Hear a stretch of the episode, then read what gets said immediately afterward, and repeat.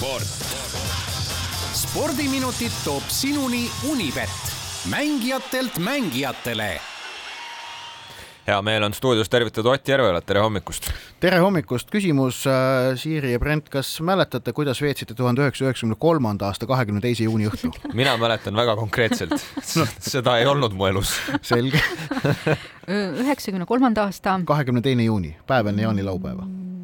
Üheksakümne kolmas aasta, kui vana, oi, oi, oi, oi, oi, ei mäleta, kindlasti ei mäleta aga no. ma julgen pakkuda, et ma ei vaadanud korvpalli. mina ka ei vaadanud. ja ei mul, mõelnud ka korvpallist. mul on väga täpselt meeles, et tollel õhtul äh, sa ei vaadanud korvpalli? ma ei vaadanud korvpalli, vaid ma istusin suvilas äh,, kõrv vastu ragisevat raadiot ja kuulasin äh, raadiost otseülekannet Euroopa meistrivõistluste D-alagrupi avakohtumisest Saksamaal, kus Saksamaa ja Eesti korvpallimeeskonnad vastamisi läksid. Aivar Kuusma viskas kolmkümmend punkti, seda ma nüüd vaatan protokollist ma möönan, ma, ma tegin, otsisin protokolli üles, aga mul on meeles, kuidas ma seda, seda poi-, väikse poisina seda matši vaatasin, kuul-, kuulasin siis, just nimelt kuulasin. Kuusma loopis seal kolmeseid terve hunniku sisse ja, ja kes seal teised viskasid punkte veel, Babenko tegi kakskümmend kolm punkti ja Pehka ka kakskümmend kolm punkti näiteks. ja, ja noh, istusin õhtu otsa raadio ees päev enne jaanilaupäeva suvilas, kuulasin, oli, oli väga vahva õhtu eile Eesti ja Saksamaa korvpallimäng selliseid emotsioone ei toonud. Läks natuke vastupidi. kas sellepärast sa ei olnud suvilas kõrv vastu raadiot või muul põhjusel? ma isegi ei kujuta ette, kas eile raadios ülekanne oli, ma pakun, et ei olnud äh,. oli, oli, oli teleülekanne, aga viiskümmend seitse, kaheksakümmend kaheksa, et, et see noh, eks seda, et Saksamaa on soosik ju kõik äh, kõik enne mängu endale ka teadvustasid ja, ja ega kihlveokontorite koefitsiendid, sealhulgas Unibetis midagi muud ei öelnud, aga noh, see kakskümmend üheksa punkti, vabandust, kolmkümmend üks punkti kolakat, see on ikkagi noh, ebameeldiv ja eks seal oli Eesti koondise mängijate ja, ja ka peatreeneri Jukka Toiala mängujärgsetes ütlustes, kommentaarides näha, et, et see ei, ei, ei jäädud endaga mitte mingilgi moel rahule ja et see eilne mäng läks täiesti aia taha. kusjuures seal teise veerandi keskel suudeti mõneks ajaks Saksamaa punktide kasv isegi pidama saada aga samal ajal siis enda rünnakud jooksid ka järgemööda liiva, kas, kas mingid arusaamatud valesöödud äh, out'i või lihtsalt äh, ei läinud visked sisse, et seal nagu korraks tundus, et äkki on võimalik veel ree peale tagasi saada, ei õnnestunud poolaeg kaotati, mitte küll väga suurelt, aga kaotati ja siis teisel poolel lükkas Saksamaa sellise gaasi peale, et kolmandal veerandajal noh, läks oma teed ja, ja sinna see mäng läks, miinus kolmkümmend üks on, on, on väga palju. Äh, aga siis mm valiksarjas on nüüd pidamata üks kohtumine. Äh, see on pühapäeval, Eesti mängib võõrsil Iisraeliga ning valikgrupi seis on nüüd säärane, et Poola suutis eile Iisraeli võita, aga tähendab siis seda, et Saksamaal on neli võitu, Eestil, Iisraelil, Poolal kaks võitu edasi saavad kolm paremat. ainukene variant, kuidas Eesti kolme parema seast välja jääb, on säärane, et Eesti kaotab pühapäeval võõrsil Iisraelile, noh, kus Iisrael on soosik, oleme ausad, ja samal ajal peaks Poola võitma võõrsil Saksamaad, mis tundub, arvestades ka Saksamaa eilset esitust, ikkagi pigem ebatõenäoline, samas Saksamaa jaoks sellest mängust ei sõltu enam mitte midagi, neil on alagrupi esikoht kaasas, tõsi, nii palju jällegi sõltub, et, et kui nüüd Poola Saksamaad võidab ja sealt alagrupist kaasa läheb, edasi läheb, siis omavahelised mängud võetakse kaasa, nii et selles mõttes jällegi Saksamaa jaoks selles mõttes jällegi sõltub. nii et vot säärane lihtne seis. ehk siis hoiame pöialt Poolale, ma saan aru? ei, Saksamaale. Saksamaal ikka? jaa, Poolal ei tohi pöialt hoida. mis see skeem seal on, kuidas just Eesti sealt edasi saab, isegi siis, kui mõlemad, nii Poola kui Eesti kaotavad? Kas seal on omavaheline mäng või mis? ja seal... siis on omavaheline mäng mm, -hmm. loeb ja, ja seal on Eesti paari punktiga peal omavahelised mängud, mis äh, veebruaris kevadel peeti, et Eesti võitis ühe neljaga, kaotas teise kahega palju skeeme, väga keeruline, võtame midagi lihtsamat. teemant no. liiga, jooksed täpselt nii kiiresti, kui jooksed, hüppad täpselt nii kaugele, kui hüppad ja, ja asi tehtud. vahepeal viskad ka ei, see, kui see, millest te nüüd rääkisite, see on kümnevõistlus, seda teemat liigas ei tehta. seda, seda seal ei tehta, sellepärast et selle jaoks on kahte päeva vaja, aga, aga teemant liiga nagu ka noh, teemant liiga ja üldse kergejõustikuvõistluste viimaste aastate üks suur mõte ja murekoht on olnud, et kuidas teha võistlusõhtud kompaktsemaks, et nad mahuksid ära ütleme sellise normaalse spordi teleülekande raamidesse, mis on selline ütleme, circa paar tundi.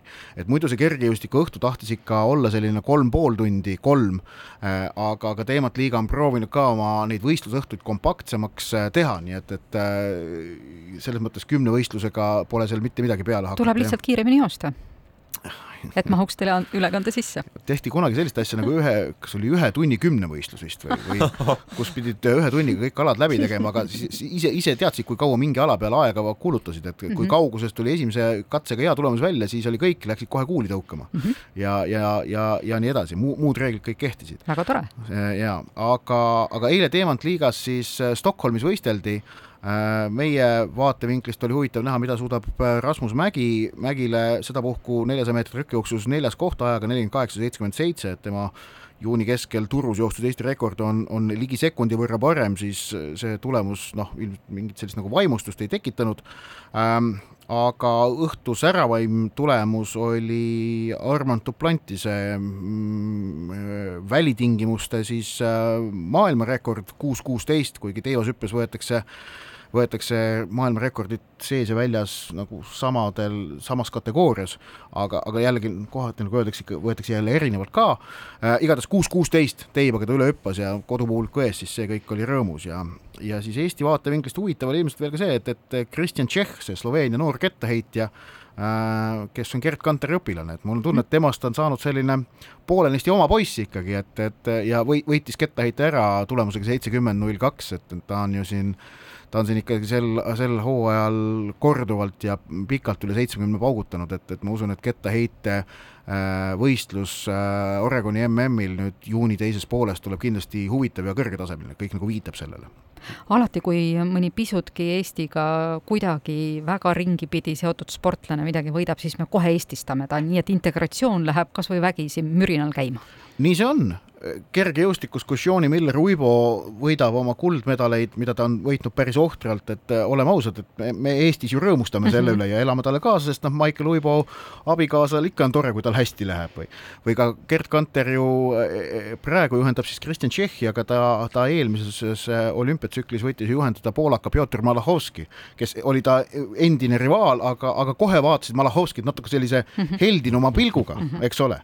ja, ja prantslase Pierre Voltier kahe kahest olümpiakullast lumelaua krossis, no üks on ikka meie oma, on ju. kokku, sest kui me võtame mõlemast pool, et mm, -hmm. et noh, ta abikaasa on e e Eesti, Eesti endine lumelauasõitja Kadri Pihla. no kui et, mitte päris pool, siis no hea küll, kakskümmend viis protsenti. no jah no,. treener võiks ikka midagi saada no et ei, aga eks see ole väike riigi jaoks ju loogiline, et me otsime neid äh, punkte, mille kaudu teha see tippsport endale kordaminevaks või, või armsaks või, või tähtsaks ja säärased seosed äh, kahtlemata neid pakuvad, see on minu meelest väga nagu loogiline, et, et tegelikult noh, mille poolest oletame, et, et me eestlased oleme Kristjan Tšehhi poolt, et, et tal läheks kettaheites hästi, et tuleks maailmameistriks.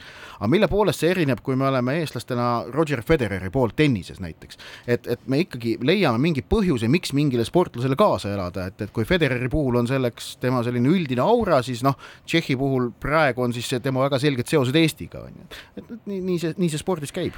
no aga räägimegi tennisest, kas me saame äkki põhjuse, et mõni mees tennisist kuidagi kuidagi integreerida Eestisse?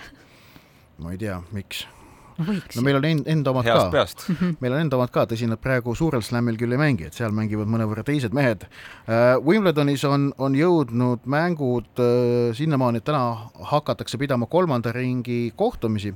vaatasin natukene, mida Unibet räägib uh, meeste üksikmängu soosikute kohta ning räägib, räägivad nende koefitsiendid seda, et kui Wimbledoni võitjaks ei tule Novak Djokovic või Rafael Nadal, siis on tegemist no röögatu röögatu, röögatu sürpriisiga. et, et, et Djokovic'i šansse hinnatakse sinna viiekümne protsendi kanti või isegi natukene üle Nadalile antakse ülejäänutest, ülejäänud šanssidest enamik talle ja siis kõik ülejäänud tennisistid, keda on veel konkurentsis, kui meil kolmas ring hakkab, seal on kolmkümmend kaks mängijat, ülejäänud kolmekümne peale, noh, nende šansid on kokkuvõttes väiksemad kui Nadali omad enam.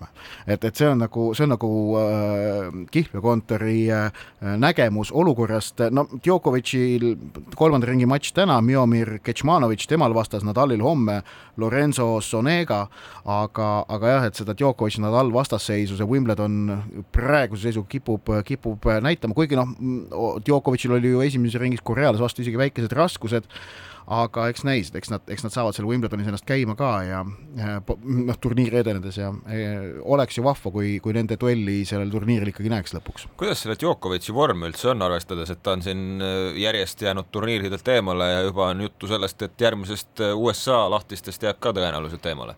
no USA lahtistest ta peaks jääma jah, sest et seal vist nõutakse koroonavaktsiini, mida, mida Djokovic endale pole lasknud süstida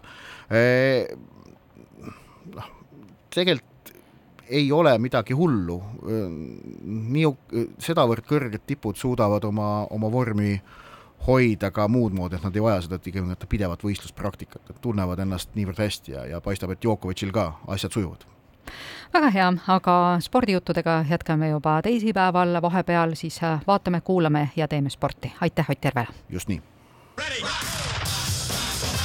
sport spordiminutid toob sinuni Unibet, mängijatelt mängijatele